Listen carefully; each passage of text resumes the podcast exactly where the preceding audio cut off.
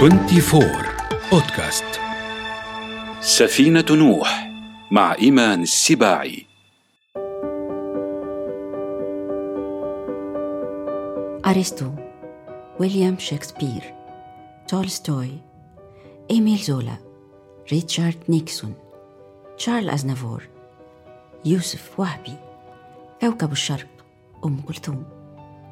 هؤلاء المشاهير ينتمون إلى برج الفأر. وأنت إلى أي برج تنتمي؟ مرحبا يا أصدقائي. وصلنا إلى الحلقة الأخيرة من بودكاست سفينة نوح من 24 معكم إيمان السباعي.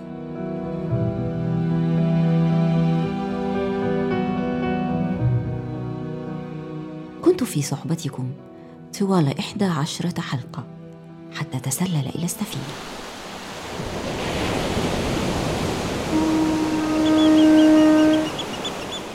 فقبل أن يفضل السفر عبر القطارات والسيارات كان عاشقا قديما للسفن التي تنقل على متنها إلى شتى بقاع الأرض. إنه الفأر الصغير عدو الإنسان وصديقه في الوقت نفسه.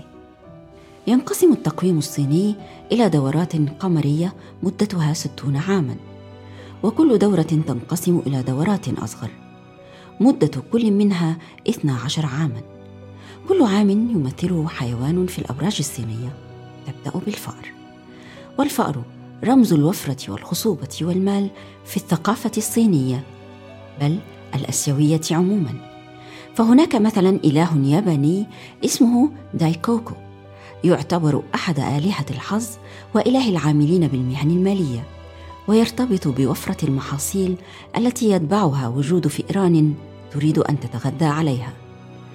كان عام 2020 الذي غزت الأرض في جائحة كورونا عام الفأر في التقويم الصيني. بالطبع هذا ليس سببا ولا تفسيرا لكنه يذكرنا بأن زيادة الخوف من الفئران ومحاربتها كانت بسبب وباء شرس يعرف بالطاعون الدبلي. اجتاح أوروبا في منتصف القرن الرابع عشر وهذا الوباء الأخطر في تاريخ البشرية. وكانت الجرذان والفئران والجرذ أكبر حجما من الفأر سبب انتشار المرض. فانتقلت إلى الإنسان عبر الفئران المصابة أو براغيثها. ارتبط الفأر بالأوبئة والأمراض. واعتبر حيوانا قذرا يقدم كل شيء ولديه شهية مفتوحة تستطيع تخريب كل ما يمر عليه. فهو يأكل الثمار والحبوب واللحم والجثث والورق والأسلاك. لقد أكلت الفئران مثلا مئتي لوحة من لوحات فنان الطبيعة جون جيمس. هذا بالإضافة إلى قدرة الفئران الكبيرة على التكاثر. كل ثلاثة أسابيع تقريبا. وتلد أعدادا تصل أربعة عشر جرذا في المرة الواحدة أو على أقل تقدير سبعة أو ثمانية. كل هذا جعل القضاء على الفأر هاجس البشر. وأعتقد وقد أكون مخطئة أنه الحيوان الوحيد الذي تفنن الإنسان في صناعة سموم مختلفة لقتله. بالإضافة إلى أساليب أخرى كالمصائد التي كانت أكثر قسوة ودموية قديما. وفي فولكلور كثير من الشعوب حكايات عن صيد الفئران. منها حكاية الزمار الساحر في الفولكلور الألماني. عن فئران تهاجم مدينة هاملين الألمانية فيطلب السكان من صائد الفئران أن يخلصهم منها. يعزف الصائد الساحر أنغاما تجعل الفئران تتبعه حتى تختفي. لكن سكان المدينة يخلفون وعدهم مع الصياد ولا يعطونه مكافأته فيعزف أنغاما سحرية أخرى تجعل أطفال المدينة يتبعونه ويختفون إلى الأبد. الأطفال لا يحاربون الفأر مثل الكبار فهو صديقهم المحبب في أفلام الكرتون. ومن يستطيع أن يكره ميكي ماوس الفأر الشهير بابتسامته الجميلة والشورت الأحمر والحذاء الأصفر الكبير والقفازات البيضاء.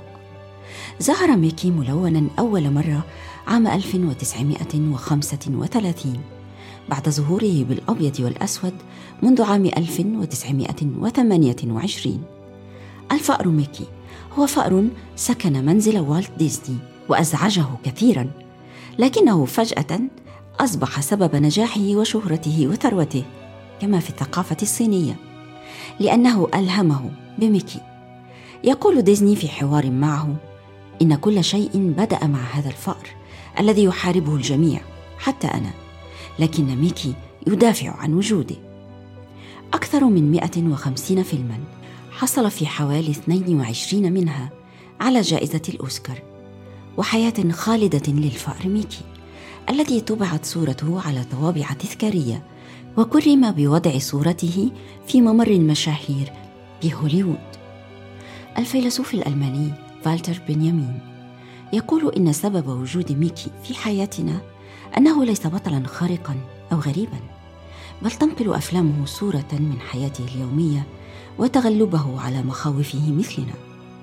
في أثناء الحرب الباردة بين أمريكا ودول المعسكر الشرقي كالاتحاد السوفيتي وبولندا منعت أفلام ديزني الأمريكية لدرجة اعتقال الآباء الذين يثبت تعاونهم مع الفأر ميكي واستمرار أطفالهم في مشاهدته. أراهن أن كثيرا من الأصدقاء الذين يستمعون إلي الآن لديهم على الأقل تي شيرت مطبوع عليه صورة ميكي. بالإضافة إلى فأر السينما الطيب والذكي والفأر الواقعي الطفيلي والشرير يوجد فأر مختبر شهيد العلم كما يسمونه. إن 95% من حيوانات المختبر فئران ويرجع إليها الفضل في اكتشاف خريطة الجينوم البشري واكتشاف وعلاج معظم الأمراض الخطيرة. قدم العلم صورة جديدة مفاجئة عن الفئران. وكم تشبه الإنسان في العديد من الخصائص الوراثية بل سلوكها أيضا. لذا استخدمت في تجارب علم النفس السلوكي. أطلق أحد الكتاب على الفأر. ظل الإنسان أو توأمه أرى الإنسان يا أصدقائي يشبه أحيانا الفأر في تجربة المتاهة. فيصل إلى الطعام أو يفشل في الوصول إليه ويقع في فخ يعذبه.